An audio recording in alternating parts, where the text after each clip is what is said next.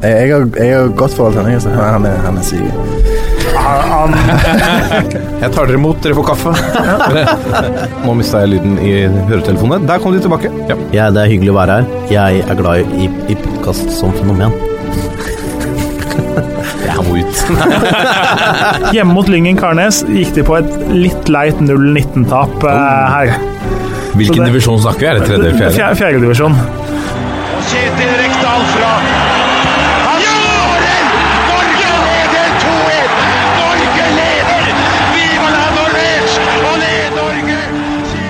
der er eh, toppfotball tilbake igjen. Vi nærmer oss med stormskritt eh, sesongavslutningen. Men det har jo blitt sånn da i den norske fotballen at eh, vi skal inn i adventstida før de siste obligatoriske kampene er ferdigspilt. Og for oss supportere som sitter på utsida av styrerommet, som sitter på utsida av garderoben, så er det uh, ofte uh, det er, uh, Hva skal vi si Det er frustrerende. Det er en tålmodighetsprøve. Det er irriterende å sitte og, og følge med på hva favorittklubben foretar seg, hva som skjer inne på styrerommet.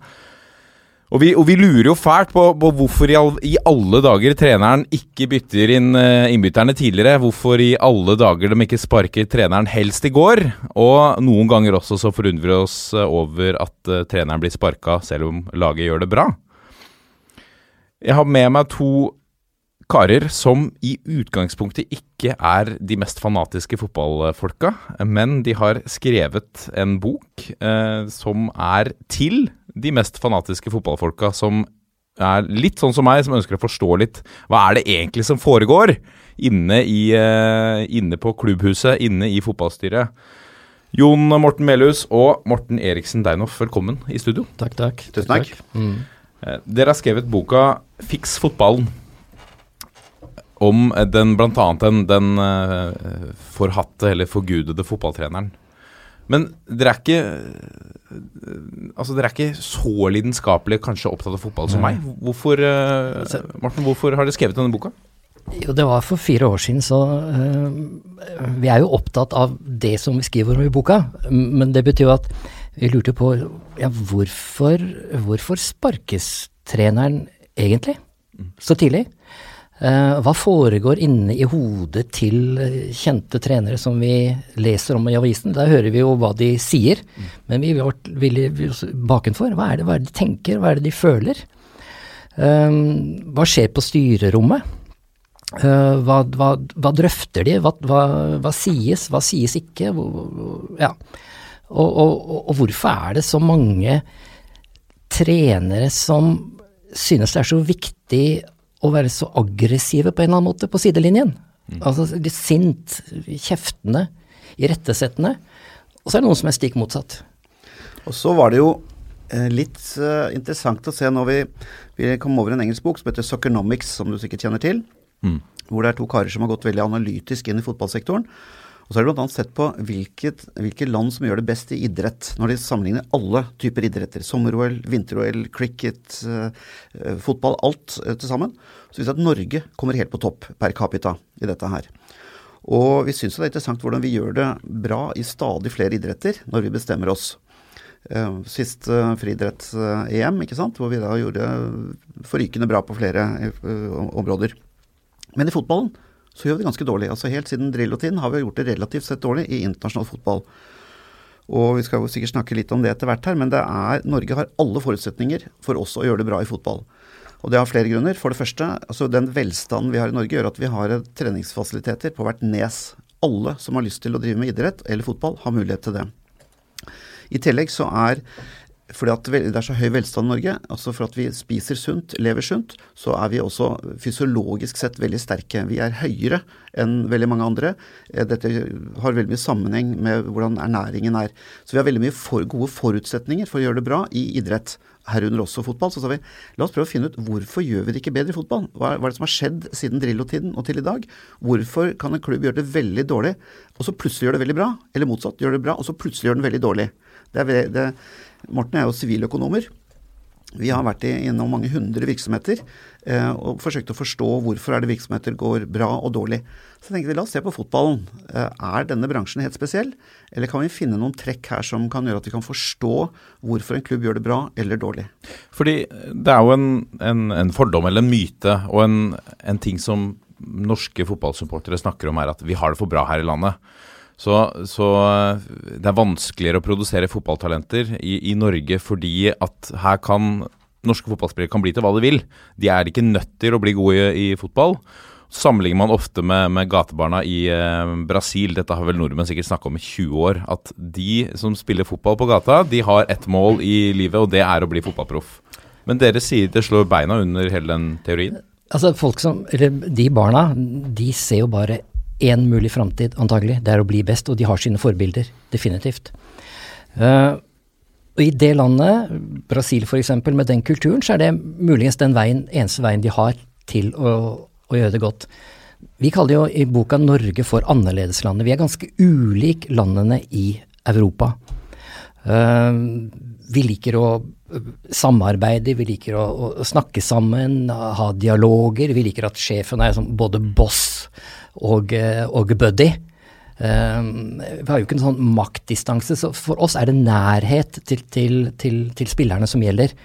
At, at, at, at vedkommende trener og, og, og dette talentet um, altså, Treneren er opptatt av å kjenne spilleren, forstå spilleren, forstå mennesket bak spilleren.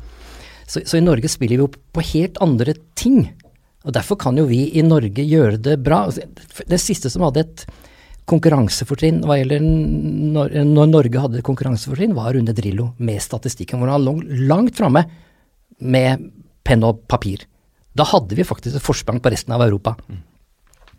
Vi kan jo ha det faktisk på nytt igjen, hvis vi evner å bygge vår trening og fotball på den norske kulturen, og ikke for død og liv alltid kopiere det vi tror er det beste vi ser i Europa. Det som spanjolene gjør, det som engelskmennene gjør, tyskerne gjør. Det er helt andre mentaliteter, kulturer, der. Så, den, så vi blindt kopierer er ikke bra.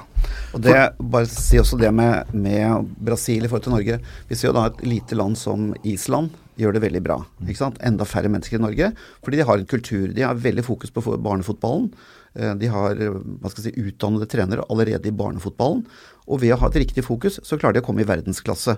Så det er ingen grunn til at Norge ikke skal klare det. Man må ikke være sulten eh, i, i, Brasil for å få til dette her. Og som sagt, fysiologisk sett er vi veldig godt rustet. Og det Morten er inne på her, det at vi har jo historisk sett hatt forutsetning for å bli fotballtrener. Det er at du har vært proffspiller i en mellomeuropeisk fotballklubb. Så kommer du hjem, og så skal du bli trener i Norge. Og den eneste du har lært trenerkultur av, det er da denne litt autoritære, brølende eh, sydeuropeiske eller mellomeuropeiske treneren. Og så tar du med det hjem til Norge. Og det er et bilde vi har, at sånn skal treneren være. Eh, det er fascinerende. Det er den eneste bransjen, kanskje ved siden av ishockey, hvor det er helt greit å skrike og brøle og skjelle og være aggressiv. Har, altså Hvor folkeskikk ikke er nødvendig i det hele tatt. Det er veldig underlig, men man har klart å få til en slags aksept for det. Vi begynner å få en del nye trenere i Norge som ikke har den utenlandserfaring, men som tvert imot har pedagogisk utdannelse, og som begynner å, å utvikle spillere og trenere på en måte som er mye mer i tråd med norsk tradisjon, som Morten er inne på. Og det gir oss en mulighet som vi kan faktisk eh, klare å hevde, gjøre til at vi kan hevde oss bedre internasjonalt. Men, men eh, for å skyte inn der, fordi, fordi, det er jo et aspekt som går igjen i, i flere, flere, steder i boka. Det, dette med forskjellen på, på ledertyper og, og, hvordan de passer sammen med den norske kulturen også. Det er veldig interessant. Men når man ser på listen over de dere har snakket, har snakket med eh, en som dere selv sier, altså det er ganske fotballkyndige personer som står på den listen. Men det er også personer her som er litt kjent for å uh, kjøre på med den såkalte hårføneren i, uh, i fotballgarderoben. Vi har jo navn som, som Tom Nordli, Vegard Hansen i, i Mjøndalen. Uh, altså Ståle Solbakken, vi har alle sett han skjelle ut både spillere og journalister i, i garderoben i HamKam i sin tid. Ja, ja det, er jo, det er jo disse tingene vi også da oppdaget. Mm. At det var egentlig, litt satt på spissen, to grupperinger. Du har nevnt den ene grupperingen nå som kanskje av den typen som um, Hør på meg, jeg er eksperten, jeg kan uh, fotball. Jeg er ansatt her for å drive dette lageret fram, over streken eller helt på toppen. Um, jeg er ikke så veldig opptatt av å få råd og innspill. Uh, det er monolog her. Og så er det den andre typen, som også er listet her. Vi kan nevne ja, både Deila og, og, Geir Bakke, Svein Målen, Lars Arne Nilsen f.eks som jo er mer la oss si, pedagoger, litt spørrende, litt undrende, nysgjerrig på mennesker. Prøver å forstå mennesket, og, og, begynner mer å tenke sånn Hva må jeg vite om deg, tro, for at jeg skal kunne bidra til din utvikling, og hva krever det av meg da? Mm. Så, så, det er jo en helt annen type, type holdning, og den, den, siste vi snakker om der, sånn, den, den er jo det er jo den som er mer, altså mer utbredt i Norge. Men vi har definitivt også i næringslivet av den første kategorien som du, du var inne på. Mm. Men også Sven Gøran Eriksson eh, er jo inne på denne stilen her. Det er jo skrevet en lederbok med en av verdens fremste ledereksperter som sier at eh, den, den, stilen hans, den skandinaviske lederstilen som har vært etablert eh, og er kjent over hele verden, den passer også for fotball. Ikke bare i Norge, men også andre steder. Og det er noen som begynner å bruke det. Eh, Klopp er sannsynligvis i nærheten av det. En av grunnene til at Liverpool gjør det veldig bra. Eh, Ranieri eh, begynte å legge seg til en litt annen stil da han kom inn og hadde denne fantastiske perioden med Leicester. Angelotti f.eks. Mm, også. ja. Så det, det, vi ser at det begynner å komme en, en, type trenere. Vi kaller det trener B. Det er den, hva skal si, den involverende, lyttende, åpne treneren. Mm. Trener A er den litt mer autoritære, bestemmende, styrende, kontrollerende treneren. Og vi ser det stadig mer av trener B rundt omkring. Så vi tror at det er, er et konkurransefortrinn, som Morten sier. Eh, og det interessante er at all forskning om hvordan man skal utvikle mennesker, bestyrker dette. Og vi gjentar all forskning om dette her sier, tilsier at ved å lytte, involvere, engasjere, ved at, at eh, spillerne selv får være med og, og ta beslutninger. Eh, og mange lo jo av Marit Breivik innenfor fotballen. Ja, det kan du gjøre med jenter, men det kan du ikke gjøre med menn. Men jeg må jo si at når vi har vært rundt og sett på disse fotballklubbene, så er det vel bare en fire-fem av eh, av eliteserielagene som er i nærheten av det Marit Breivik gjorde for 20 år siden. De er way off, de aller fleste, i å ha forståelse for hvilken kultur som skal til. For vi må huske på, i denne boken vår, sluttproduktet, det vi til slutt kommer fram til, er flere mål. Ikke sant? Vi skal ha flere mål. Det er suksessfaktoren for en fotballklubb. Mm. Da må spillerne fungere bra sammen. Det å være leder for et fotballag er sannsynligvis verdens mest krevende lederjobb. Du skal få 20 mennesker, eller 11 om gangen, til å fungere lynraskt i et spill. Skal gå sømløst, de skal kunne improvisere, de skal kunne møte uh, uventede situasjoner. Uh, vi refererte til den såkalte ettsekundsregelen, hvor da uh, en del fotballeksperter rundt i Europa sier at er, du har ett, under ett sekund på deg fra du mottar ballen til den skal videre. Altså hvis du bruker litt mer enn det, det kan være forskjellen på tap og, og, og vinn i en kamp. Det betyr at de spillerne må være ekstremt samspilte. Eh, og det holder ikke bare med denne briljante brasilianske ballvirtuosen. Du må også fungere sammen med de andre elleve på laget. Men vi har jo et eksempel. Jeg nevnte jo det. Det, var, det er jo viktig når jeg nå nevnte eh, disse tre temperamentsfulle trenerne også, som, som Tom Nordli, Ståle Solbakken også, så ser vi jo et resultat nå som, som uh, Nordli over tid har bygget opp Skeid og er i ferd med å føre de tilbake til, til toppen i, i norsk uh, fotball. Så han uh, er vel litt Han og Ståle Solbakken og de andre der som, som liker å fyre på pluggen, er vel litt mer sammensatt enn bare den skrikende Man er vel ikke enten det ene eller det andre her? Nei, det er to, vi har sagt to, to eksempler på ytterligheter. Det er mange mm. fasetter. Men så er det jo viktig at du, du har behov for instruksjon også i visse faser. Vi har jo skrevet det her, et eget kapittel, og sier når er det behov for trener A, når er det behov for trener B, når er det behov for miksen. Mm. Og ja, Morten, du har noen synspunkter på dette med, med hvorfor f.eks. Tom Nordli sannsynligvis fungerer bra i Skeid nå? Det er jo noen ganger hvor en eh, klubb trenger en samlende person, noen å tro på, noen å samle seg på. Vi skriver jo om den ene sterke mannen her, at veldig mange tror på den ene sterke mannen. Og noen ganger så er det nødvendig med den ene sterke mannen. Jeg tror Tomme Nordli øh, kan få det til. Han er jo til sine sterkt instruerende, opplever jeg. Men når et lag trenger å bli instruert og vite hvor måte, skapet står øh, Rekdal og Start befant seg langt under streken, i hvert fall, ja, og vippet. Nå er det i hvert fall akkurat i dag på oversiden. Jeg kan tenke meg at også det er et lag Start som nå trenger instruksjon først og fremst for å følge en oppskrift for å komme over den streken. Så det fins definitivt det. Men vi skriver jo en bok hvor vi ønsker å få Norge opp på internasjonalt høyere nivå. At norske landslaget skal befinne seg på ti på topp på Fifa-ranking, som vi jo en gang var, faktisk. Og da tror jeg det kreves noe langt mer. Da nytter det ikke å prøve å kopiere andre land. Vi må rett og slett tenke ut hva er særegent ved Norge og norsk kultur, og denne dialogen, og snakke seg fram til ting. Og vi vet at Geir Bakke gjør det, vi vet at Ronny Deila gjør det, i langt, langt større grad enn andre gjør det. Vi er et annerledes land. Det er bare å innse det. Ja, fordi Vi liker å tro det, i hvert fall, at vi er veldig annerledes. Er, det, er, vi, er vi så annerledes fra Sverige, Danmark, Island på, på ledersiden? Jeg finner kanskje ikke den største forskjellen akkurat der, men noen vil jo hevde at der også, er det også forskjellig. Men det å bli altså Når noen i Norge i forretningslivet da tar en beslutning, så tas det nærmest som en invitasjon til at en diskusjon skal settes i, i verk.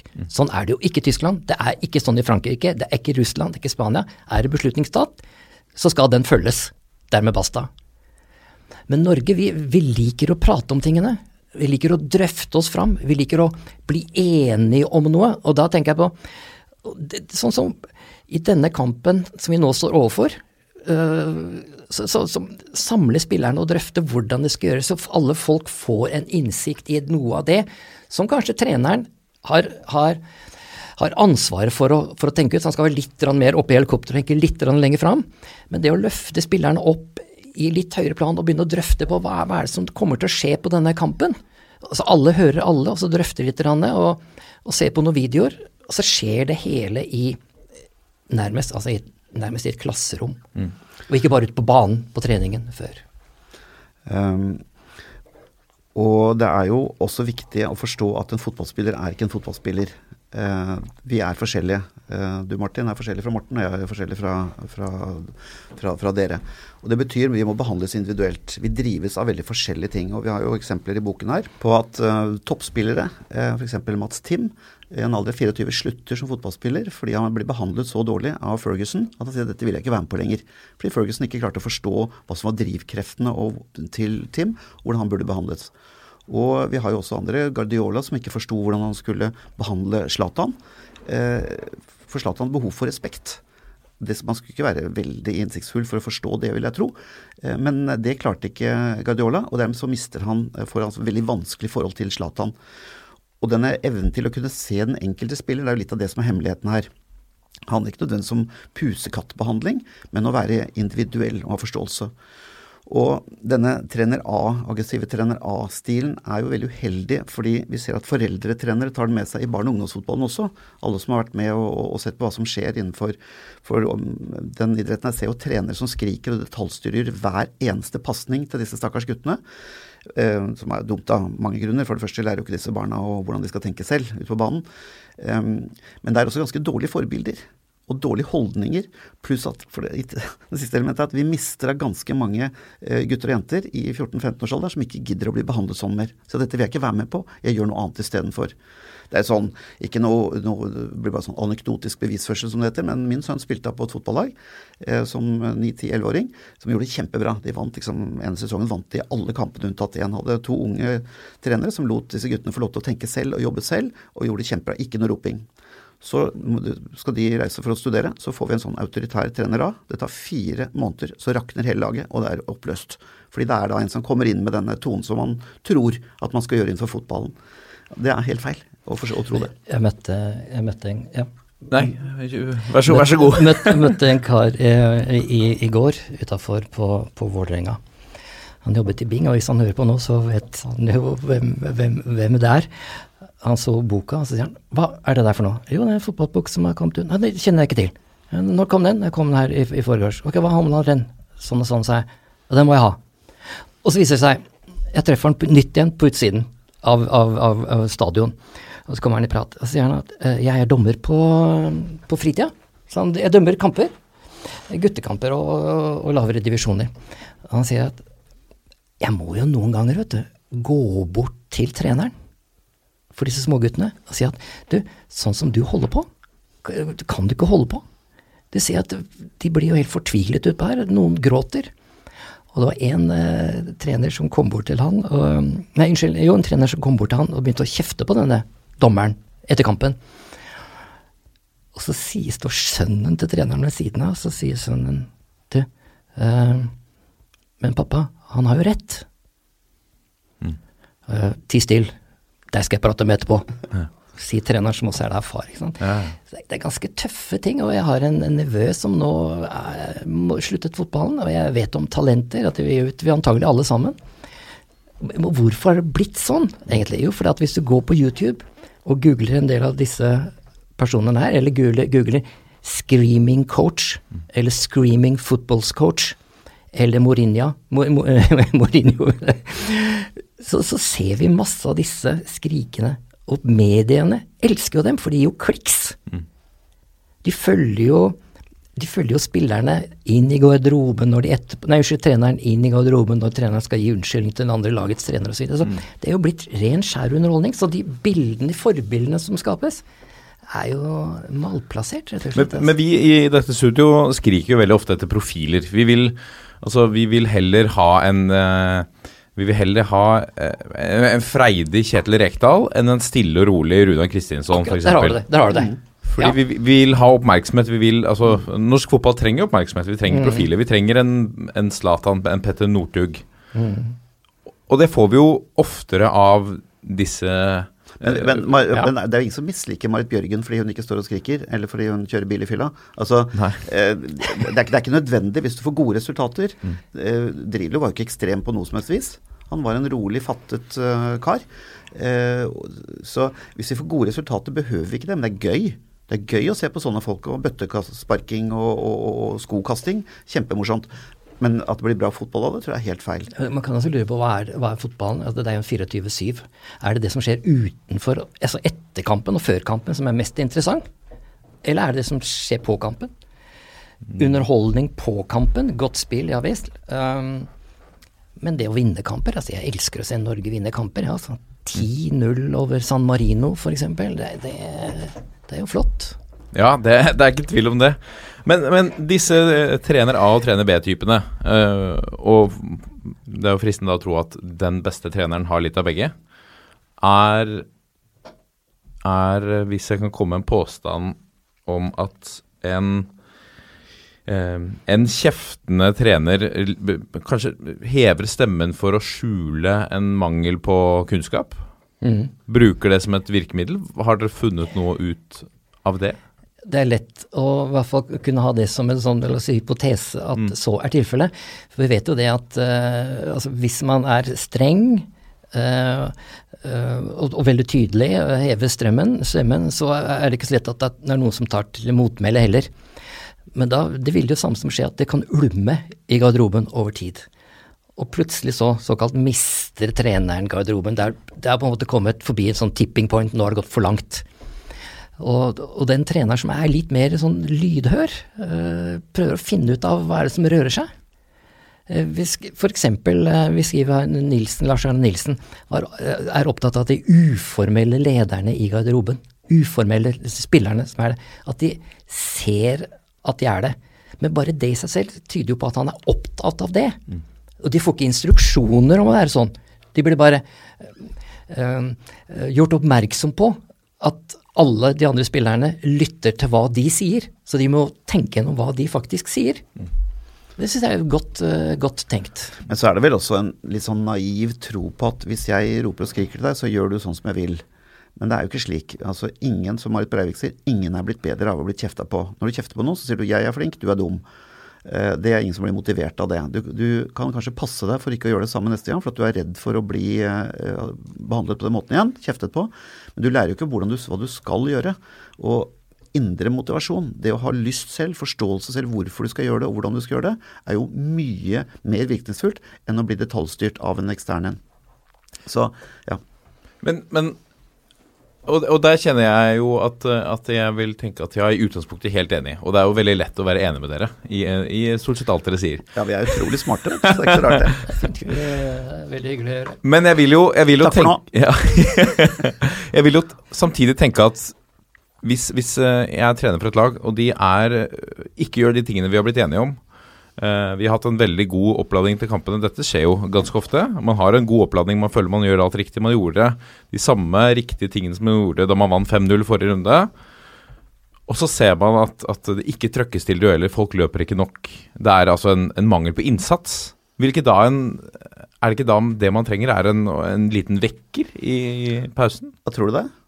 Tror ikke jeg skal spørre hvor, Hvis dere spør hva, hva er grunnen gutta, til at de ikke gir på, er det noe spesielt uh, som ligger nå? Vi så en vi hørte Erik Thorstvedt i går, holdt foredrag. Vi var sammen på et seminar og jeg snakket først om, om begeistringsledelse og hvordan man skal få mennesker til å fungere. og Så kom han etterpå og snakket om egentlig de samme tingene, men ut fra fotballverden. Og viste da en lite videoklipp da fra en av disse trenerne, fra en belgisk trener tror jeg, som står og skriker så det holder. Og det er pip, pip, pip, for de har plukket ut alle banneordene, ikke sant. Så det er nesten bare piping. Og alle i salen, det sitter 150 mennesker, og vi ler, for alle vet selvsagt fungerer jo ikke det. Og du ser spillerne, de sitter ikke i kaffen sin, og de hører på det. De har gitt opp, på en måte, de orker ikke å høre på hva han sier for noe, for han, han, han har sluttet å kommunisere med dem. Så tro at ved å skrike at du får Jeg tror det er lite sannsynlighet for at noen blir bedre av den skrikinga, men du må forsøke å se hva som skjer. Og igjen, altså, når vi kunne se Marit Breivik i timeout, når laget ligger under, og så går hun til spilleren og sier han, ok jenta, eh, dere får prate litt om hva dere skal gjøre nå. Så går hun bort, og så får de jentene selv finne ut hva de skal gjøre for noe. Det er så modig gjort, ikke sant. Og så vinner de selvsagt, da. Eh, men den der forståelsen for at eh, du må, du, må, ha- du må ha lyst til å gjøre noe. Eh, Ingmar Bergman, den svenske filmskaperen, han ble spurt i en dokumentar jeg så hvorfor han fikk sånne fantastiske skuespillerprestasjoner på scene og lerret. Så vet du at han var ganske sterk og, og autoritær og sånn, så han ikke vel han detaljinstruerte. Så sa han ikke det. Han sa man kan bare få mennesker at gjøre sitt beste. En måte de tykker om at gjøre saker. Så, og Jeg har snakket med folk som har vært skuespillere under han, som jeg sier det var helt guddommelig, men hvordan han fikk dem selv til å se og forstå hvordan de skulle spille, og hva de skulle gjøre for noe. Og jeg tror Det er det samme med alle mennesker, uansett om du er på jobben eller om du er fotballspiller. Du må ha lyst til å gjøre det du skal uh, gjøre. Og da gjelder det å finne ut hvordan skal jeg stimulere den lysten din, slik at du fungerer på best mulig måte. Og en av de kanskje mest uh, inspirerte samtalen vi hadde, var da vi snakket med Ronny Deila. Vi dro til Skottland og møtte han mens han jobbet i, for uh, Celtic. Eh, som var utrolig krevende. Og han var veldig åpen og ærlig med oss. Men han fortalte hvordan han da jobbet med enkeltspillere som slet litt. Vi har referert til et eksempel i boken. Hvor en spiller som da fungerer veldig dårlig, klarer han i løpet av en samtale et par dager å snu rundt ved å øke selverkjennelsen og forståelsen av denne spilleren. Ikke ved å banke han i hodet med argumenter, eh, men ved å la den spilleren selv se hva det er han kan gjøre, og hva han ikke gjør, og skape forståelse for det. Men du er inne på Start og, og Kjetil Rekdal. Når du kommer inn, og det har vi sett flere, det er flere av de dere har snakket med som har kommet inn som såkalte redningsmenn. Når man kommer inn, det er tre kamper igjen, du har én jobb, og det er å redde laget. Har du tid da, til å sette deg ned og, og, og diskutere hvordan man skal gjøre det? Hva, eller trenger det laget rett og slett at det er en mann som kommer og vet, og den tryggheten kanskje det skaper ved at han vet hva vi skal gjøre nå? Det må den treneren Det er det første han må finne ut. Er Hva det, trenger de? Ja, hva, hva trenger de, rett og slett. Og, men for å snakke om som Start, da, og kanskje Skeid, men i hvert fall Start, så, så øh, opplever jeg at øh, Rekdal, er god på instruksjon. Han er antagelig satt der for å instruere, og, og få det til. Men han så, så, så er det jo kanskje sånn at etter hvert da, så må man legge om stilen. Eh, og jeg syns det, det er jo interessant når Ranieri dro til Leicester, så erkjente han ganske tidlig at den måten han hadde drevet trenervirksomheten sin, altså som trener tidligere, hvor han typisk sånn 'jeg vil at du skal', type Han erkjente jo da at her skal jeg gå over til sånn vi-stil. Og det, dette er ikke bare noe vi har oppdaget, det er altså flere som har oppdaget det. Så han gjorde jo faktisk det, og vi ser hvordan det fantastisk det var i, eh, skjedde, skjedde i Leicester. Men tilbake til spørsmålet. Ja, jeg tror noen ganger så, så trengs det en form for fasthet, instruksjon, som fordi at det kan skape en form for trygghet i laget. Ok, dette tror vi på. Vi ser jo også på heim, heimebane som er sesong én. Ja, den, den samme type, type fastheten. Men det å løfte et, et lag da opp i toppen av den samme divisjonen, f.eks. Start opp i toppen av divisjonen, det tror jeg da, da det, det, det, det vil være krevende for enhver eh, hver trener. Og jeg, jeg tror på at en trener altså Det er lett, for å tenke på sånn at en trener har sin trenerstil, sin, sitt eh, DNA nærmest. så, sånn er det. Når vi får Rekdal, så får vi dette her. Når vi får Deila, så får vi dette her. Og, og det tror jeg langt på vei er, er faktisk riktig. Men jeg tror virkelig de gode trenerne framover er de som behersker. De skjønner når de skal være instruerende og tydelige, og de skjønner når de skal være mer inkluderende. Og de tør å være inkluderende. For noe av det grunnen til at man ikke tør å være inkluderende og stille spørsmål, er man redd for hvilke svar som kommer. Og skal jeg bli svar skyldig? Må jeg ha svarene på alt som trener? Eller kan jeg la et, et, et, et spørsmål som jeg ikke har svar på som trener, liksom bli i spillergruppen, og og så prater vi oss øh, fram til det. For det er ingen opplagt fasit. Hvis det er fasiter, klare fasiter, eller beste praksiser, ok, så er jo instruksjon fint. Men ofte er det ikke det. Men jeg tror fotballen er redd for å klamre seg til at det fins én løsning. Og det å Om vi ser på Uefa pro-lisens, f.eks., som jo jeg tror er mye bedre for land utenfor Skandinavia enn det er i Norge. For Norge. Dette, den, disse timene som det brukes på menneske og menneskeforståelse, er utrolig få. Altså det samtale, sånn én-til-én-samtaler, oppdaget jo vi ganske tidlig at men fotballen har jo ikke én-til-én-samtaler. Ja, de, de prater ikke med personene én til én. Uh, og, og, og Pep Guardiola, som vi skriver om der i boka også, han har altså en For han er det ikke så glad i, eller? jo, på en, på en måte kan du si det, men jeg, jeg fikk et annet inntrykk av han etter hvert som jeg begynte å fordype meg i han. Um, igjen så er det at disse vi snakker om, Conte, Mourinho og, og Ferguson og Guard, de er jo suksesstrenere. Definitivt. Eller managere. De er managere. Og i de landene hvor de gjør suksess, så gjør de suksess under visse, visse forutsetninger. Uh, men Pep Guardiola han har altså én-til-én-samtaler i Barcelona, tiden sin i Barcelona i restaurant.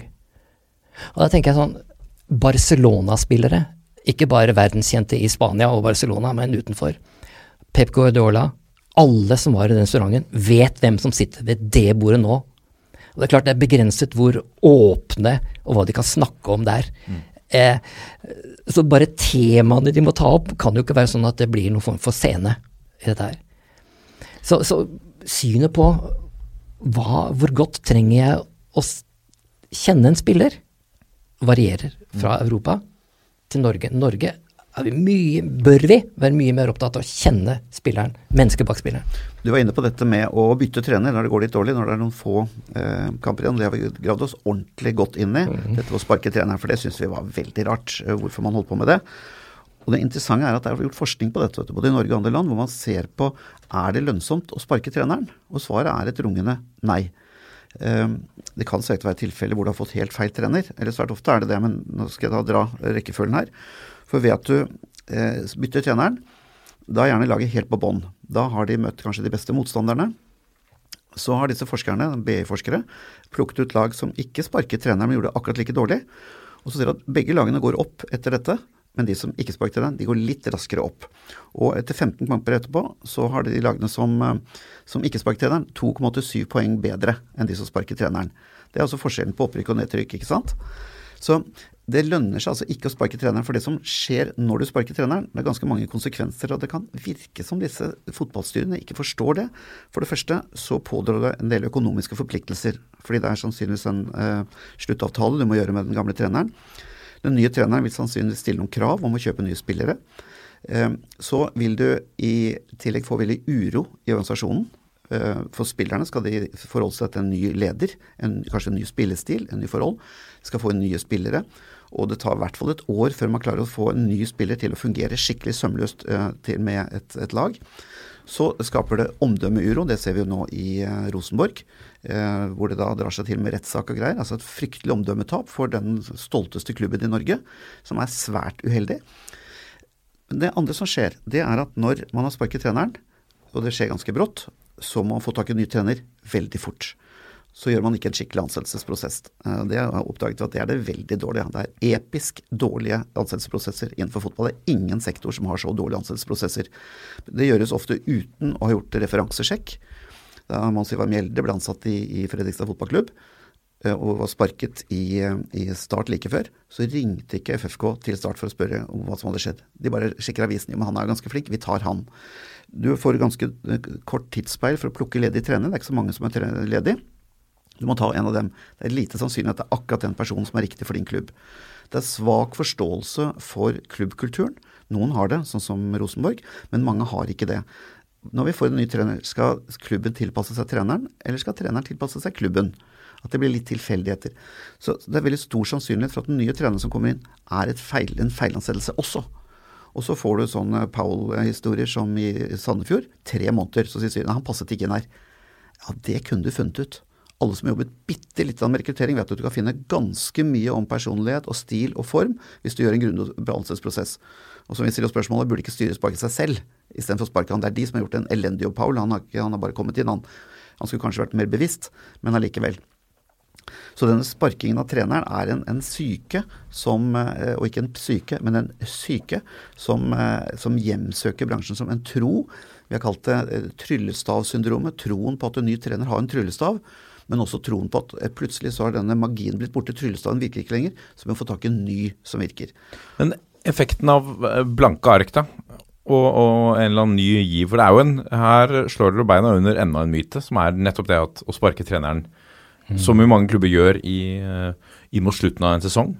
Ikke hvor de, som du sier, ikke alltid har en trener på plass. Altså, det er klart, Kan man hente en Tom Nordli, så er det kanskje verdt å, å prøve det. For han har vist seg Mange å være, håper på det i hvert fall, ja. Vist seg å ha en god effekt på det, selv om han ikke liker å bli kalt redningsmann selv. Nei. Men, men um, dersom man har noe som ikke fungerer, kan det ikke gjøre mer skade også ved å la det dure og gå? Men altså, se på både Ferguson og Eggen holdt på å få fyken etter tre år. Men så fikk de tillit og gå videre, og så vet jo historien hva den sier. Slik at den, den, Man må gi folk tid også til å utvikle laget, eh, og ha tålmodighet. Og det er den manglende tålmodigheten, denne frykten, eh, som en av disse i boken skriver, Karl Anders Følstad, som var eh, styreleder i FFK Sport, som sa at, at du vet det aller, aller, aller verste som kan skje i fotballklubb, det er å tape en kamp. Og sånn er det jo. Det er jo forferdelig. Det er ikke det. Og vi, det vi ser er oppskriften for å tåle dette, for du må, du må ha en organisasjon som tåler å tape, eh, tåler å stå i det over tid. Og det sier jo flere av disse spillerne her, at eh, jeg hadde en, en som Ståle Solbakken sier at han hadde en, en, en eh, daglig leder eh, i HamKam som pantsatte huset sitt for å gi spillerne eh, lønninger. Og den tilliten han ga spillerne i dette her, selv om de, gikk, eh, de slet, gjorde noe med, med innsatsen i dette her. Det du sier med blanke ark, ja, det, er, det skjer ofte. Blanke ark. Hvis vi går i dybden på det, så er det altså blanke ark fordi at altfor ofte så vet ikke styret hvem de får, og hva vedkommende står for, og hva vedkommende kan greie.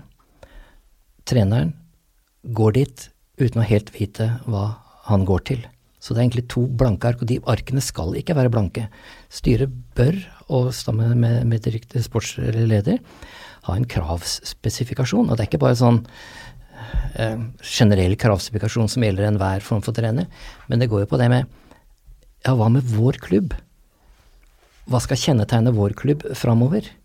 Skal vi ta kontroll på spillestil, såkalt også filosofi, hva nå det kan være for noe? Skal vi ha kontroll på disse tingene her? Skal vi bestemme at vi vil ha en offensiv gjennombruddsfotball? Eller skal vi ta ballbesittelse, eller hva skal vi? Og når styret mer vet hva de vil, og vet hva som i dag skal, er svakhetene for å få til det de vil med klubben, ja, så kan de jo gå inn og si at da må vi ha en, en trener da, som kan fylle disse, disse, disse gapene. At de noterer ned på et stykke papir, rett og slett, så det ikke er noe blankt. Hva er det vi skal kreve av denne personen? Før noen begynner å forelske seg i å begynne å lytte til hvem er egentlig leder. For det blir jo, jo storleken eh, fort i den bransjen. Og da kan det tenkes at det fins ikke den personen som kan tilfredsstille disse kravene der ute. Ja, ok, da burde vi se da, ålreit, skal vi da ha is i magen og vente litt? Og neste spørsmål de burde stille seg, det er jo hvor godt kjenner vi planene til den treneren som faktisk vi har nå? Hva, hvordan jobber han?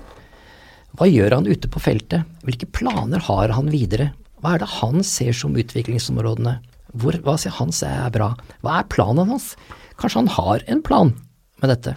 Men det er det vi tror altfor ofte skjer, at media hauser opp stemningen, for de vil jo ha kliks, selvsagt. Godt støttet av supporterne, som noen ganger misbruker sin fantastiske makt til også å ta, ta tommelen ned. Og så skal styret virke handlingskraftig, vise at de griper fatt i situasjonen, viser alvoret, og så setter de i gang noe. Og så blir det en, en, et løp hele tiden, fordi at rekrutteringen skjer for fort, ansettelsen skjer for fort. Så blir det en ny, etter ni måneder, en ny, ny sparking. De kommer ikke liksom ut av dette, dette, denne malstraumen. Men er det litt, er det litt den Det er jo Det høres jo, eller det minner jo litt om det eh, at fotballstyrene rundt omkring har glemt at det å ikke gjøre noe ikke gjøre noe endring er også et valg. Også et valg, ja. Mm. At når man sitter i et fotballstyre, så er det veldig øh, enkelt kanskje å tenke nå må vi gjøre noe. Og hva kan vi gjøre? Vi kan ikke gå ned i garderoben, men vi kan få inn en ny. Og at å gå gjennom en sesong og, føle, og, og, at man rykker ned uten å ha gjort det eneste tingen kanskje de føler at de kan gjøre. De kunne også godt ha spurt hva trenger du, kjære trener, mm. for å virkeliggjøre disse tankene du nå har? For Det virker jo ikke som Ingebrigtsen fikk de spørsmålene eh, da han ble sparket. At de har satt seg ned og diskutert hva, hva, hvordan tror du vi skal legge opp dette. Hva er dine tanker, hva er dine planer? Eh, at, man, at man har en innsikt i det. Vårt inntrykk også er jo at veldig mange av fotballstyrene i hvert fall har lite kunnskap om hva treneren faktisk driver med. Altså Man kan si at treneren blir, verken, blir sparket verken fordi han, han, gjør eller ikke gjør. Det er rett og slett noen resultater. Men hva han har gjort og ikke gjort, vet de ganske lite om. Og da, det jo, da blir det jo lite forutsetning for en dialog da, om hva treneren kunne gjort annerledes, eller utvikle, eller gjøre bedre. Det andre uheldige siden ved det er jo at når du har sparket en trener, så blir det ingenting liggende igjen av hva den treneren gjorde bra. Eh, når eh, Bob Bradley sluttet i, i, i Stabæk, Eh, jeg tror ikke det var mye som lå igjen etter han av kunnskap av hva man burde gjøre og ikke gjøre, for å kunne kanskje prøve å hente ut det beste han gjorde, det han hadde funnet ut av spillerne. Så kommer en ny trener helt blank igjen og starter fra scratch igjen. og Da tror jeg du er heldig med disse blanke arkene, når du ikke tar med noe av all den kunnskapen som burde ligget der fra tidligere trenere. Er det det liker jeg, dette liker jeg å tro, da. Eh, jeg har jo stoppet å se på engelsk fotball. Jeg har stoppet å se på Champions League. Uh, jeg syns ikke det er like gøy lenger. Det er, for, det, er for, det er, for, mye penger. Og nå høres jeg ut som farfaren min, for han sa det samme greiene. Da, uh, da spillerne ble solgt for 10 og 12 millioner kroner. Er det Men jeg lever litt i den, uh, i den oppfatningen at, at en trener i, i, Norge har mer å si for resultatene enn i Premier League, f.eks. Det er så mye penger, det er så mye uh, spillere der fra før. Altså, uh, en sånn prestasjon som Dere har jo intervjuet Svein Målen, f.eks., i, i Ranheim. Mot alle odds så ligger de nå på, på femteplass. De var nære ved å gå til Europacup hvis det ja, er Rosenborg vinner uh, ligaen. Ja, visst, ja, visst. Wenger sier jo det at i et intervju med Ferguson, eller de satt på scenen her for ikke så mange dager siden, sier at ja, det, det, er jo, det, er jo, det, er jo, tydelig at vi betyr noe, sier han. For vi er jo de første som blir sparket hvis det går dårlig, så vi må bety noe. Nå satt jo han faktisk da 21 år, men, ja. men han har jo så vidt rett. Det, oppfatningen er jo det at, at, det kan gjøres uh, noe der med, med, med treneren. Og nå glemte jeg spørsmålet. ja, at, at, jeg tror du har rett. Den norske treneren er nærmere spillerne Definitivt. Eh, kulturen ja, ja. er også det. Har større påvirkning på resultatene ja. enn i Det tror jeg visst, at, ja, det tror jeg de har. For de, er, de er, eh, har et mer intimt forhold til spillerne sine gjennomgående. Ja. selv om vi mener det er for lite av det, så har man nok mye mer nærhet der. Mens noen av disse eh, proffspillerne fortalte at de snakket jo aldri med treneren. Kunne ikke snakke med han i Tyskland eller så, så, sånn sett så vil du ha mye mer påvirkning på den individuelle utviklingen av hver enkelt spiller. Mm. Og En ting som jo Norge skiller seg veldig mye fra andre land på, er at vi er jo et lite land, men prosentandelen som spiller fotball, er, er høy. Um, Ergo, det vil jo si da at vi har Det er mye stor, er større ulikheter mellom fotballspillerne i Norge enn f.eks. i England, som har langt flere større befolkning, og, og, og en prosentandel som er eh, mindre aktive. Så Ferguson han kunne jo gå ut og plukke um, spillere som hadde to ferdigheter, nemlig var god, altså fotballteknisk god, og som var villig til å underkaste seg hans regime. Og det var jo mange som ville det, selvsagt, fordi han uh, hadde jo allerede vunnet en del kamper. Som manager var jo veldig bra. Men det å være en, en, god trener i Norge har en utrolig stor spredning av personligheter og mennesketyper som må forholde seg til. Mm. Og det å bruke én type framgangsmåte og atferd som på en måte skal treffe alle disse her, det, det vil ikke funke. Og når, når, vi greier å få det til, gjennomgående i Norge, også på lilleputter og 12- og 14-åringer, man skjønner alvoret i at behandle det som individer, så kommer vi til å eh, bli dritgode. I forrige uke snakket jeg med en pappatrener eh, som hadde sønnen hans spilte, var det sånn 8-9-åringer. Så sa han en gang hvert halvår så tar jeg en halvtimes prat med hver enkelt spiller alene. Vet du hva? De blir så høye av det. De blir så begeistret når de blir sett. De får lov til å fortelle hva de tenker, og spør og hva de ønsker det laget sånn, de er ikke spesielt gode til, sånn teknisk sett. De vinner alt. De vinner alt. De har et samhold og en trygghet og en soliditet. Og vi voksne er ikke så forskjellige, vi heller. Vi har veldig behov for å bli sett, den enkelte av oss. Anerkjennelse er et grunnleggende behov hos oss mennesker, eh, å bli sett som dem vi er. Og det gjelder også fotballspillere. Ikke bare anerkjennelse, men det å ha det gøy. Altså det er helt fundamentalt å ha det gøy på banen. Og det er trenerens jobb å få det til. Latter der ute. Men hvorfor gjør vi det ikke? Hvorfor, hvorfor uh hvorfor setter ikke norske trenere seg ned med spillere én til én og prøver å finne ut av hvordan, hvordan, ting funker? Hvorfor snakker ikke fotballstyrene med, med trenerne? Hvorfor, hvorfor, oppfører ikke fotballen seg som næringslivet? Altså I næringslivet så har du jo, eh, altså som sjef, du er pliktig til å gjennomføre en samtale med en medarbeider i hvert fall en gang i året. Det er veldig mange som sier her at, eh, som jeg har snakket med, av de som er på innsiden, sier at dette er, må huske, en veldig ung bransje. Det er 25-30 eh, år siden så holdt vi på med, med brune konvolutter med kontanter og bytteavtaler med bilfirmaer. Eh, en svart økonomi som var eh, enorm. Så det er en ung bransje fortsatt, 25 år. Så kan du si at Google er også et ungt selskap, men de er langt mer proffe. Men det er, det er nok en sånn historie på at vi har sett mye tippekamper og sett mye trenere. og en tro på veldig enkle løsninger. og det er mangel på struktur. Eh, når en, et, en, sted, en, styre, en ledelse, har lagt en plan, så går det litt dårlig, og så kommer en eller annen rik onkel og sier jo da, eh, hvis du tar den treneren, så hvis du skal ha ny trener, kan du få 10 millioner. Hvis du velger den treneren, hvis det er Rekdal, så får du 70. Ja, da gjør du vel det, da, kanskje. ikke sant?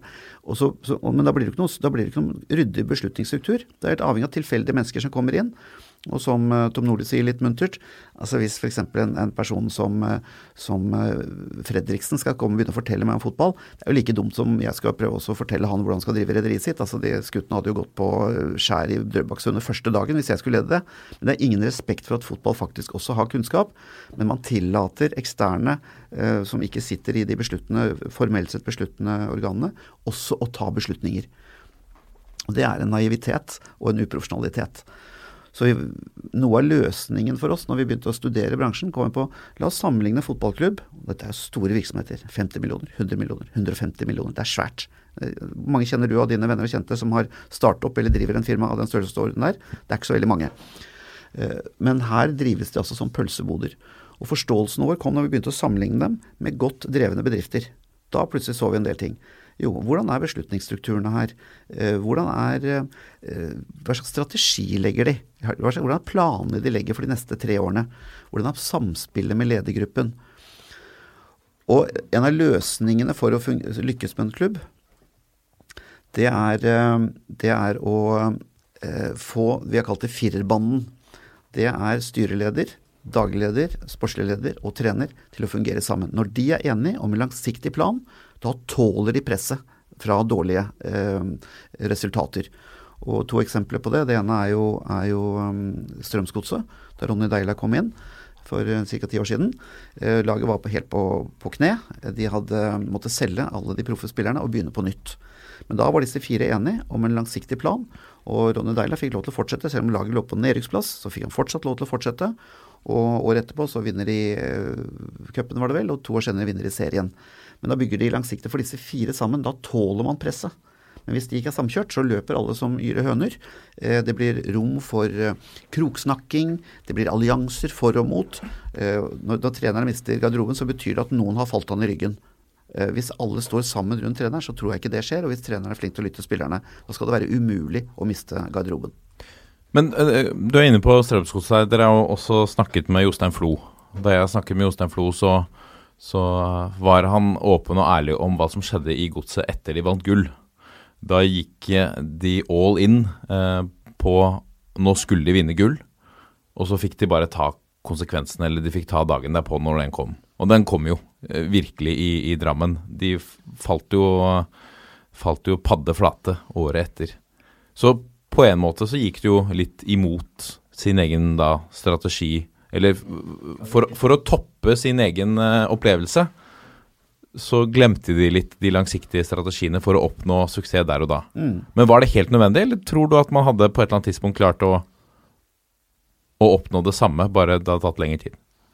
Hadde det vært, vært enklere å gjøre en bedre andre sesong hvis man hadde bygget opp over tid? Jeg kjenner ikke det caset så godt, men jeg tror gjennomgående at det er langsiktighet. Fordi det er to ting som ødelegger denne bransjen her. Det er kortsiktighet og følelser, og de henger sammen. Men kortsiktighet og følelser er, er, det som er eh, det gjennomgripende problemet til bransjen. At man er livredd for den neste kampen, for denne sesongen, for nedrykk. Man, man har ikke en worst case-plan. Ingen i, eller veldig få i eh, Eliteserien har en, en worst case-plan som sier hva skjer hvis vi rykker ned. Det bare må ikke skje. Og så kommer panikken. Noen har det. Eh, Mjøndalen, eh, Sogndal. altså Du har noen av de som går litt opp og ned, og de har en ryddig plan for det, så de blir ikke livredde når det skjer. Men en del av klubbene så blir det panikk fordi de ikke har tenkt over hva skal vi gjøre. At vi har laget det scenarioet. Hva skjer hvis vi kommer ned i første divisjon? Jo, da må vi gjøre sånn og sånn og sånn, slik at vi kan tåle det. Selvsagt må vi jobbe for å unngå det, men vi må også ha en plan for det, slik at vi ikke gjør dårlige og dumme eh, beslutninger på slutten av sesongen. Skynder oss å kjøpe noen nye spillere vi ikke har råd til. Kaster en trener eh, uten å helt være sikker på hva vi får. Eh, som risikerer at det kanskje til og med øker sannsynligheten for å rykke ned. Det, dere har jo Jeg bare henger meg litt oppi her. Du har jo bodd i, i, i to fotballbyer i Østfold også, Halden og Fredrikstad. Har snakket, dere har snakka med bl.a. Geir Bakke. Det er jo, Jeg tipper jo det er flere i Østfold nå som, som lurer på hva i alle dager som skjer i Fredrikstad og Moss. Og hvorfor Hva skjedde da Sarpsborg 08, altså en ti år gammel fotballklubb, gikk forbi de to andre storhetene? Har dere funnet noe svar på det, eller har dere vært opptatt av å finne, det ut? Ja, og Geir Bakke er jo sammen med Ronny Deila også en av heltene våre. Så vi syns står for den riktige måten å, å, jobbe på i forhold til å se et enkeltmenneske med sin pedagogiske, pedagogiske kunnskap. I tillegg så har jo Sarpsborg 08 en veldig ryddig filosofi. Alle står sammen, der er firebanden på plass og det holder. Eh, de har en ryddig filosofi. Først omdømme, så økonomi, så sport.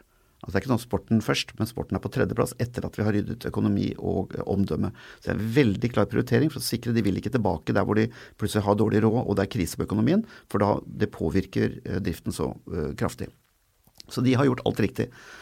Og Hvis du tar en liten opptelling, i hvert fall ifølge Wikipedia, på FFK, så har de vel hatt uh, 25 trenere på 28 år. Og så spør du hvorfor det går dårlig. Det behøver ikke å spørre da. Og de har jo hatt, eh, etter at de eh, gjorde det så bra på, for eh, tolv år siden, så, så, gikk det litt hybris, kom det litt hybris der. Plutselig var det veldig mange som kom inn her.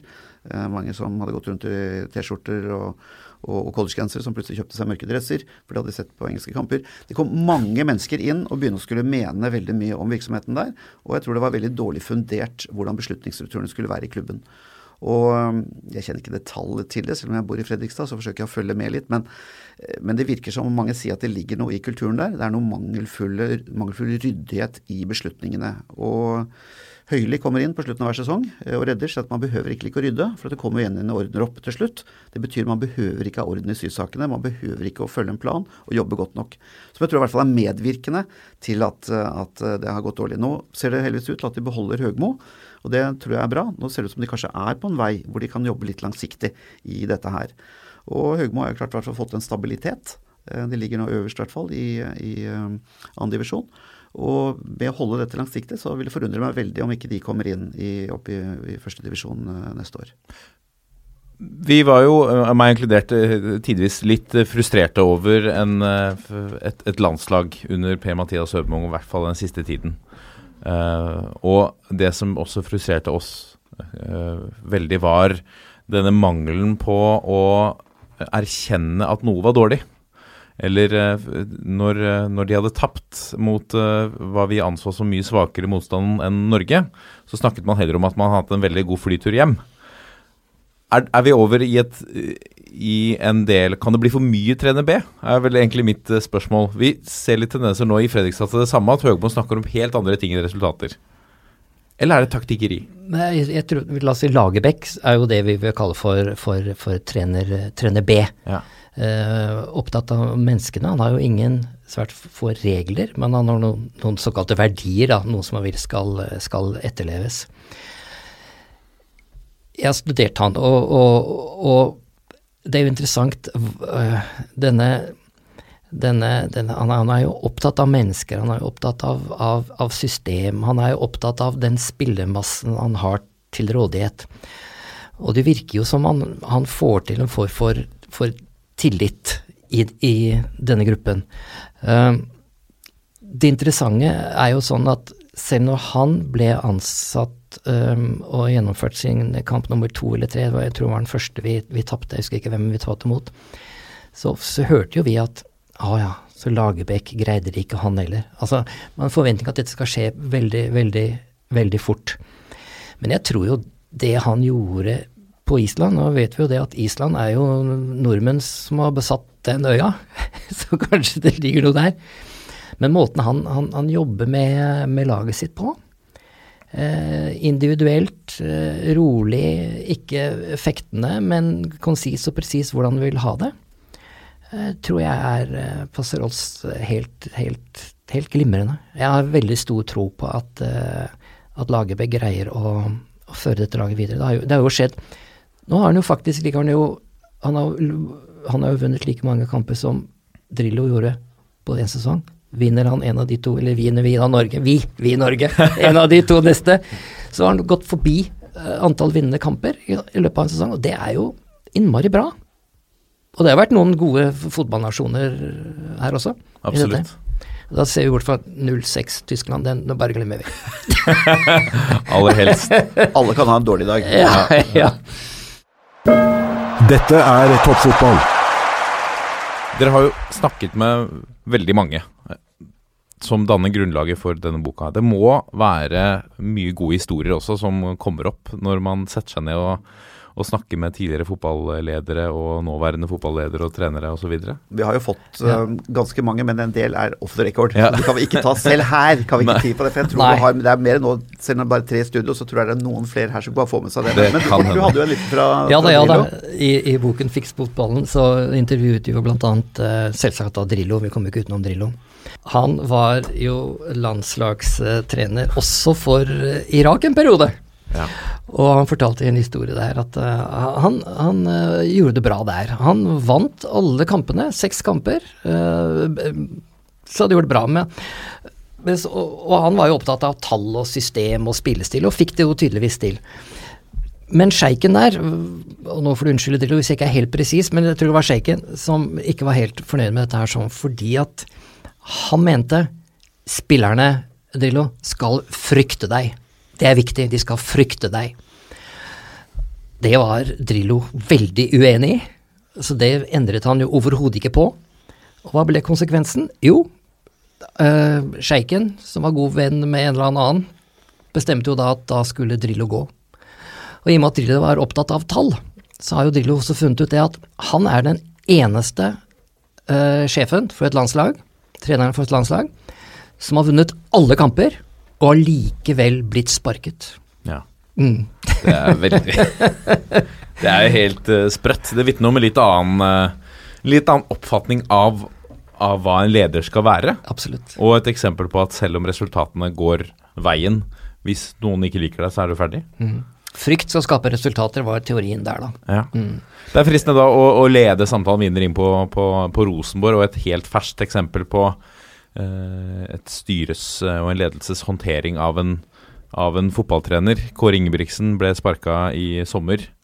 Etter, eh, etter at de fortsatt hang med selvfølgelig i toppen, hadde has på Brann, men forsvant ut nærmest på dagen. Hva sitter, hva sitter dere igjen med når dere fulgte den saken der? Nei, si, det er jo, Jeg syns det er skuffende at den største klubben i Norge, som vi på en måte har hatt veldig stor respekt for, gjør sånn altså det, Og det er mange aspekter i dette her. For det første så er det det å, å, å si opp mennesker på den måten der, bare med et øyeblikks varsel og, og, og på SMS. Eh, som er, ikke går an. Eh, det andre er liksom hvilken prosess og diskusjon man har hatt med disse trenerne om hvordan eh, man skal jobbe videre, hvilke muligheter har man, hvordan har de tenkt å gjøre det. Men så kommer det fram etter hvert at det ser ut som det er et ganske dysfunksjonelt styre, dette her. Det har noen ukultur her, hvor da Ingebrigtsen kommer frem og forteller at de, under visse kamper så kunne han få SMS fra, fra styremedlemmer som skjeller han ut under kampen. 'Dette er fælt, dette er for dårlig'. Det er klart at hvis, altså hvis et styremedlem driver og rakker ned på treneren midt under en kamp, eh, det er vel ikke mulig å oppføre seg dårligere og ødelegge mer for klubben sin enn du gjør da. Og hadde dette vært i et selskap jeg hadde sittet sittet i så må jeg si at da ville jeg sagt til styremedlemmet jeg tror ikke du skal være her. Eh, Du skal ut av dette styret, for du jobber ikke for klubbens beste.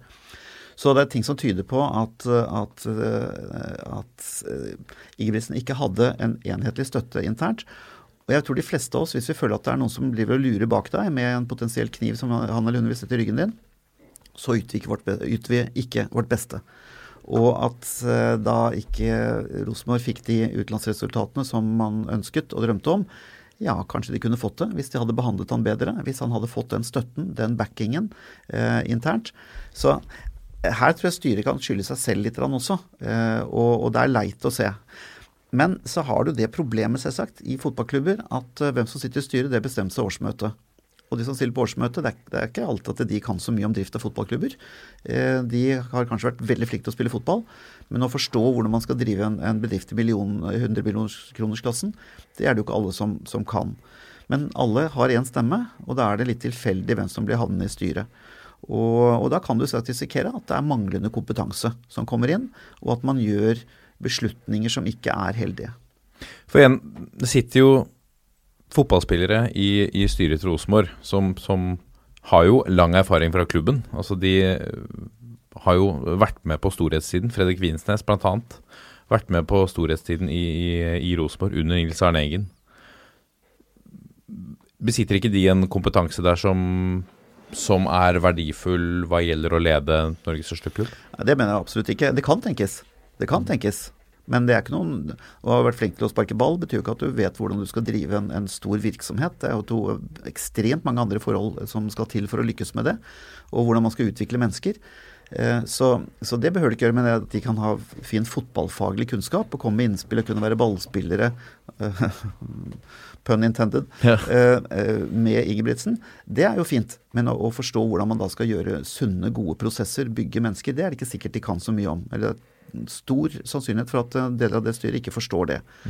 Eh, og man hører rykter om at det er folk i uh, styret og ledelsen i Rosenborg som har vært mot uh, Ingebrigtsen. Da blir det vanskelig å, å, å drive godt. Og da, da mister vi det vi har snakket om. Firerbanden, som vi har skrevet om i Fiksfotballen. Firerbanden fungerer ikke når det ikke er den tryggheten mellom styrets eh, leder, eh, daglig leder, sportslig leder og trener. Eh, da mangler den, og da kan mye rart skje. Og det skjer. Bør de rett og slett eh, sette seg på flyet og dra til Sarpsborg og, og lære litt av hva de gjør der? Ja, det tror jeg. Jeg syns Sarpsborg er et skoleeksempel på hvordan man driver en klubb. Både de praktiske, økonomiske, omdømmemessige, samarbeidsmessige forholdene. eh, Og de har en klar kultur, hvilke verdier de er opptatt av. Og, og, og da en trener som forstår hvordan man eh, pedagogisk sett skal utvikle og få mennesker til å fungere sammen. Og det er jo trist med Rosenborg. Godfoten handler om å spille hverandre gode. Og det er tydelig at dette styret og den ledelsen i klubbene ikke gjør det. Og det er veldig, det er veldig leit. Det, det jeg opplever noen ganger er i styret, selvsagt, er, det er ofte en maktkamp, og det er noen som har makten over andre i, i et styre. Og jeg har ikke vært på styremøte i Rosenborg. Men, men, det kan jo tenkes at her er det noen som får gjennomslag for noe syn på tross av andre, og noen blir stilltiende sittende og akseptere, mens andre får sitt syn igjennom. Det er bare ting vi kan spekulere på. Det er jo ikke sikkert at de to nevnte egentlig er enig. Dere har jo snakket med Tove Mo Dyrhaug i Rosenborg. Snakket dere noe om disse tingene? Fikk dere noe innblikk i hvordan det drives? Nei, det var, vi snakket, det er vel uh, fire år siden vi snakket med henne. Så disse tingene var ganske forholdsvis ferske. Og vi fikk ikke så mye innsikt i Og da hadde vi ikke de problemene heller. Det var også før Ingebrigtsen uh, kom inn. Så eller han var bare så vidt, eller han kanskje var så vidt kommet inn da, men da hadde vi ikke kunnet se noe, noen resultater av det ennå. Så det fikk vi ikke så mye innblikk i. Men vi hadde veldig fin prat med Stig Inge Bjørneby, uh, som jeg hadde, syns hadde veldig mye spennende synspunkter på dette med fotball både fotballedelse, trenerledelse, og vi har til, til, og med latt han få siste ord i boken, for vi syns han oppsummerte hele essensen i hva som er viktig for å lykkes i fotballklubb. Det kan vi ta helt til slutt. Ja, ja absolutt. En annen eh, Vi får et gjensyn i 2019 i Eliteserien av Mjøndalen, ja. som er jo et annet eksempel på en eh, hvert fall en toerbande som har holdt på i den klubben i Det er så gledelig. Ja, jeg syns det. Så mange år. Vegard Hansen og Kenneth Carlsen, dere har jo snakket med begge. Ja, jeg visste, jeg visste, ja, visst. Vi snakket med dem eh, i, eh, i litt tøffe, tøffe tider, og, og, spesielt Vegard, da. Og, og, han er jo veldig åpen på bloggen sin, så der kan man jo se hvor han, han nærmest bretter seg ut. Men jeg må si at jeg, jeg, jeg, var ikke til stede da det ble klart at de skulle være nå oppe i Eliteserien, men jeg vet hvordan dette her var. Og når vi går på, går på nettet og, og ser den stemningen og den festingen som var, Eh, så vet jeg at da eh, Vegard var helt oppe, i, helt oppe i skyene. Og det må ha vært utrolig morsomt å få dette her til. Han er jo et følelsesmenneske til de grader. Så, og, og, men de er jo to stykker. De utfyller hverandre veldig bra. Mm. De men, men, det er jo det som var fascinert, fascinert oss med, med Mjøndalen, var hvor ryddige de er i kulturen sin. De vet akkurat hvilke verdier som er viktige. De har ikke råd til å ansette dyre spillere. Eh, da blir det veldig viktig at man er rettferdig. At alle forstår at jo, du får den sånn betaling, du får den betaling. Selv om det ikke er åpen, så vet jo folk i større og mindre grad det. De får at jo, det er fair. Han har mer erfaring enn meg, eller han er bedre på det. Men rettferdighetsprinsippet ligger der. Så det er slik at selv om ingen får veldig mye betalt, så vet jeg at det er rettferdig det jeg får. Så de er veldig ryddige på kulturen sin. Helt klare verdier. Og det, da står de veldig støtt, selv med små midler. Uh, og som Morten sier, veldig hyggelig at de kommer opp igjen. To år siden de var der. Og, eh, og, vi var ikke forundret over at de kommer tilbake igjen. Vi snakket med, med Kenneth Carlsen på begynnelsen av sesongen, da de var i Tippeligaen, eller Eliteserien, ja. Og så snakket vi med, med Vegard på slutten da de hadde rykket ned, hvor han var nokså tungsindig og utrolig reflektert og mm. åpen, som var imponerende. Eh, hvordan han så på situasjonen og han, hva de måtte gjøre for å få til å lykkes. Ja, det, han sier jo det at han, sa at han flyr fra Stavanger, og det om om det styrta ned eller landa trygt, det var ett fett for den. Når han tapte, da var det, var ikke noe vits med noen ting lenger. Nei, det var helt, det var helt nede. Men som du sier, veldig reflektert, og, og gikk ned i bånn og fant ut hva, hva, er det for noe, hva er det jeg nå bør tenke på. Mm. Ja. Et annet eksempel vi må ta på, vi var litt innpå det i stad, men Ranheim og Svein Målen. Mm. Eh, dere har jo snakket med Målen eh, også. Når, når var det? i sommer. I, ja, juni, i juli vel. Da lå de vel på andre eller tredje, eller tredje plass i, i, i serien. Ja. Mm. Mm. Det var jo så musikk i våre ører, hvordan de snakker om her at jo, vi er sammen enige om ambisjonene. Vi diskuterer sammen hvor vi skal gå inn. Jeg er trener og tar en del beslutninger, men vi er sammen om de overliggende tingene. Eh, og hvordan vi skal drive dette fremover. Veldig bevisst i hvordan man alle var med på dette her. og Altså, dette er jo folk som har andre jobber ved siden av, og sånn mange av disse her, så vi er nødt til å sørge for at alle er motivert og, og har eierskap til dette her. Mm. Så han uh, trener B så det holder. Ja, Det interessante er jo at disse som jo vi har snakket om, uh, Bakke, Deila, Nilsen og, og, og Målen, de har jo litt altså, pedagogisk bakgrunn. altså Enten det er idrettshøyskole eller, eller, lærer. Og de er opptatt av mennesker og menneske, menneske, menneskekjennere. Um, så, så, de er jo den der som vi tror er framtiden i Norge, da. Den mer myke eller uh, B-tjeneren, sånn som skal være hard når det trengs, men myk når det trengs. Så det, det var veldig gledelig å, å, å, se det. At det funker der oppe. Absolutt. Men det spiller jo liten rolle om trenerne blir veldig gode, om ikke det skjer noe på styrerommene. Er det for lite kompetanse i, i fotballstyrene i dag? Det ser ut som det er veldig variabelt, i hvert fall. For det er jo interessant at det kommer mange forretningsfolk inn som sitter i styreledere i offentlige, eller som driver offentlige eller private virksomheter hvor de er veldig ryddig og ordentlig. Og så kommer de inn i styrene, og så gjør de det ikke plutselig at de blir overmannet av disse følelsene og denne frykten for å tape. Så det kan se ut som det er litt mangelfull forståelse av hvordan et styre skal fungere. at eh, det arrangeres jo styrekurs du, for, eh, for eh, private bedrifter, hvor man skal rett og slett lære seg hva skal et styre gjøre, hvordan de skal fungere. Og det burde man kanskje gjort i fotballklubben også. Og vi stilte også litt spørsmål i starten. Hadde det vært bedre om det var aksjeselskaper, alle disse fotballklubbene? For der er det veldig klare regler for hvordan alt skal foregå på ryddighet, gjennomsiktighet, åpenhet. At det faktisk ville kunne ryddet opp en del i, i klubbene. Framfor da en klubb som er rett og slett avhengig av hvem som stiller på årsmøtet. Dere er jo selv Altså, omtalte dere selv før, før, vi gikk inn i studio som først og fremst med erfaring utenfor fotballen. Og en uh, dere, dere, ser landskamper begge to. Du har ikke noe du har ikke noe favorittlag, men, men, men dere har en Dere syns bransjen fotball er veldig fascinerende. Mm. Hvorf, hvorfor det? Jo, det er jo nettopp alle disse emosjonelle beslutningene. Hvordan så store summer, med, altså så mye penger, klarer å allikevel få folk til å gjøre så rare ting. Det er jo ofte slik at hvis det er mye penger i spill, så er man ganske ryddig og profesjonell i hvordan man forvalter dem. Det er det i hvert fall i det private næringslivet. I det offentlige er det faktisk litt opp og ned, har jeg lagt merke til. Eh, hvordan man forvalter midlene. Men, eh, men i fotballklubber så, så, gjøres det veldig pussige beslutninger i store virksomheter. altså Vi snakket nettopp om, om Rosenborg, som etter min mening har gjort helt nokså dysfunksjonelle beslutninger. Eh, til tross for at det burde være et høy kompetanse i en så stor virksomhet. Men som allikevel da tydeligvis sliter med det. Mm. Og Det er det spennende med denne bransjen her. Og at vi da kan få en liten skøyer som Ranheim, som plutselig fyker opp, ikke sant, som kan gjøre ting. Og Sarpsborg 08, fordi de er flinke og ryddige. Og um, treneren skal selvsagt være dyktig, det er uh, avgjørende. Men treneren må også ha gode rammebetingelser, og det syns vi det har vært veldig lite fokus på i, uh, innenfor fotballsektoren. At man ser på hvordan er det rammene for denne, spiller, denne, treneren. Ikke bare hvilke spillere han får kjøpe, men, men, hvordan han får lov til å fungere. Hvordan er fellesskapet, hvordan er støtten. fordi treneren er jo også avhengig av daglig leder og markedssjef og sportslig leder og, og styre. De er, jo, de er jo sammen om å gjøre dette her. Eh, og der er det litt eh, variabelt eh, hvordan det fungerer. Så ja, svaret et langt svar på et kort spørsmål. Ja, jeg tror norske fotballstyrer har mye å hente. Og klubbene vil gjøre det, kunne, klubber som ikke gjør det så bra, vil kunne gjøre det mye bedre hvis de får enda bedre styring i styrene sine. For dette, det, dette er ikke hokus pokus, vet du. Dette er ganske enkelt. Det er, Om ikke common sense, så er det ganske enkelt. Men det er følelsene som tar overhånd selv for de mest garva forretningsfolka, når de for, Få med fotballen å gjøre? For mange så gjør det det. Og det er jo som, eh, som eh, noen sier i boken her, at eh, alle kan jo i etterkant fortelle hva vi burde gjort, men det i forkant er ganske vanskelig å finne ut hvordan man skulle legge opp denne kampen. Så etterpåklokskap er enkelt, og veldig mange tror de har svaret. Det har vært veldig spennende disse fire årene vi holdt på med boken. Når vi treffer venner og kjente som kan mye mer om fotball enn meg, så sier jeg ja, vi går inn og forsøker å forstå fotballbransjen. Ja, du skjønner, grunnen er sånn og sånn og sånn. Alle har svar. Mm. De har ikke det. Men de, altså, alle har svar. Med en gang vet, og, de, og det er helt forskjellig, men de vet hva som svaret er.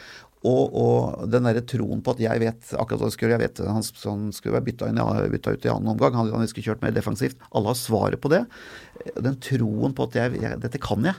Eh, dette er ikke et fagområde gjør nok at det, man slipper til mennesker som ikke burde hatt beslutninger, f.eks. da rike onkler eller sponsorer, som man hører på litt mer enn man bør gjøre, for de er veldig glad i fotball og interessert i fotball, og de tror at den treneren vil gjøre det best. Mm. Det er jo det som er så fascinerende med fotballen, at det er sånn. Mm. Alle, nesten alle har en mening. Og Noen sier jo det at noen sa til oss at bergenserne er jo ikke opptatt av fotball, de er opptatt av brann. Ja. Og det er også noe i det. Mm gamle damer som slår etter uh, fotballspillere uh, i 17. mai-toget fordi de tapte uken før på Brann. ikke sant? Så det er, det er utrolig søte historier. ja, det er fantastisk. Men det er, jo, uh, og det er jo det vi også elsker med fotballen. Det er mye følelser knytta til det. Det er mm. sånn som Vegard Hansen sier, at etter de har tapt så Vi ser det jo i den serien. Det er i den serien Alle gutta, som også gikk på TV, at eh, da spiller det ikke noen rolle for han om flyet krasjer eller lander, eller hva, hva som skjer. Men, men det kan det, det Det som eh, i hvert fall jeg henter ut fra denne samtalen, er at uh, følelsene det, det kan bli for mye. Og at uh, følelsene rundt fotballen er for sterk, som Ja, gjør I visse glemmer situasjoner Ja. bør ikke følelsene styre, der bør det rasjonale styre. Ja. Fornuftige diskusjoner, tanker. Ja. Og på styrerommet spesielt. Stig Inge Bjørnby, som er en veldig reflektert person, han oppsummerte det veldig greit, som vi også har som avslutning i boken her. De største, største suksessene handler om kontinuitet, strategi, rekrutteringsfilosofi og å tenke langsiktig. Mm. Så enkelt er det. Lykke til. Kort oppsummert. Jon Morten Melhus og Morten Eriksen Deinhoff, tusen takk for at dere kom takk, og var med. Uh, det er jo uh, masse mer å hente i denne boka, for uh, jeg gleder meg til å, å sette meg ned med den og, og dykke inn i alt dere har funnet ut. Og så håper jeg også at det er ganske mange i, i de ulike fotballklubbene rundt omkring som leser den, og kanskje slår opp i den når de skal få litt innsikt og innspill på hvordan man skal drive en fotballklubb. Og så håper vi også at de som er trenere i barne- og ungdomsfotballen, kan kikke litt her og lære litt av det. For det er mange flinke, og så er det mange som har litt å hente. Og det er disse unge spillerne i dag som skal toppe landslaget vårt om ti år. Og Det er viktig at vi gir flest mulig muligheter til å utvikle seg best mulig. Og da er det noen små, enkle triks som man eh, kanskje skal være klar over. Vi møtte en engelskmann som eh, Eller vi hørte om en engelskmann som sa 'Når kommer den på engelsk?' Den vil jeg lese. Så det Vi er i gang, det vi er i gang med Er, planen. er det sant? Det får se. Om engelsk fotball, eller om ja, norsk fotball på engelsk? Nei, det blir nok om prinsipper som gjelder i internasjonal fotball eh, generelt, som er ganske allmenne. Mm. Men hvordan har, før vi runder av, hvordan har dere blitt mottatt ute der? For dere, for det første, jeg, jeg vil jo se for meg at kanskje noen er litt skeptiske når dere sier at ja, men vi har ikke så veldig god peiling på fotball i utgangspunktet. Ja, Vi prøver Hvorfor- å dempe det, da. For Ja, ja. folk skjønner at, vi, at det er bare tull. For vi Ja. beviser jo i boka at det Ja, ja. var mye. Men, men det er Men- vi Men hvorfor, liksom, hvorfor, er det noen som spør seg hvorfor skal jeg høre på dere? Ja, Vi sier ikke hør på oss, men hør på de der 42 menneskene vi har snakket med, for de kan alt om fotball. Og så har vi prøvd å systematisere dette på en litt annen måte kanskje enn man ofte gjør eh, når det gjelder analyser av fotball. Men vi har fått veldig positive tilbakemeldinger av Absolutt. nøkkelmennesker i bransjen og sier at dette er interessant, denne kunne jeg ikke legge fra meg, dette er bra. Det er noen ting jeg er litt uenig med dere i, men vi syns at dette her, dette holder vann. Så Det, det morsomme syns jeg også når vi hadde en, en eh, altså vi, vi la ut noe på, på, på Facebook-siden av Fiks fotballen om med overskriften 'Disse eh, trenerne ville være udugelige eh, i Norge'. Og der var Ferguson, Mourinho, Guardiola og, og Conte. der frester det til. Ja, men ingen, men ingen sa, ingen, sa, ingen sa seg uenig i det. Nei. Men det var altså 30-40-50-60 kommentarer under som dette skapte. Mm. Og det var faktisk ingen som, ingen som var uenig i dette. Nei. Det overrasket meg faktisk, for jeg trodde jeg skulle, mange skulle si Ja. tullinger. Men det sa de ikke. Nei da. For det er jo sant. Så, ja, det er jo sant. Det står i boka. Så det er sant. Dette har vært uh, helt uh, nydelig. Masse god innsikt. Mye Jeg gleder meg til å, å fordype meg i boka. Uh, vi er Toppfotball på Facebook, Twitter og Instagram. Gå gjerne inn og send oss en mail også på toppfotball at 451.no. Og så må jeg avslutte på en måte som vi pleier å gjøre, som er veldig deres ånd. Eh, som er 1, 2, 3. Vi er en gjeng! Ha det!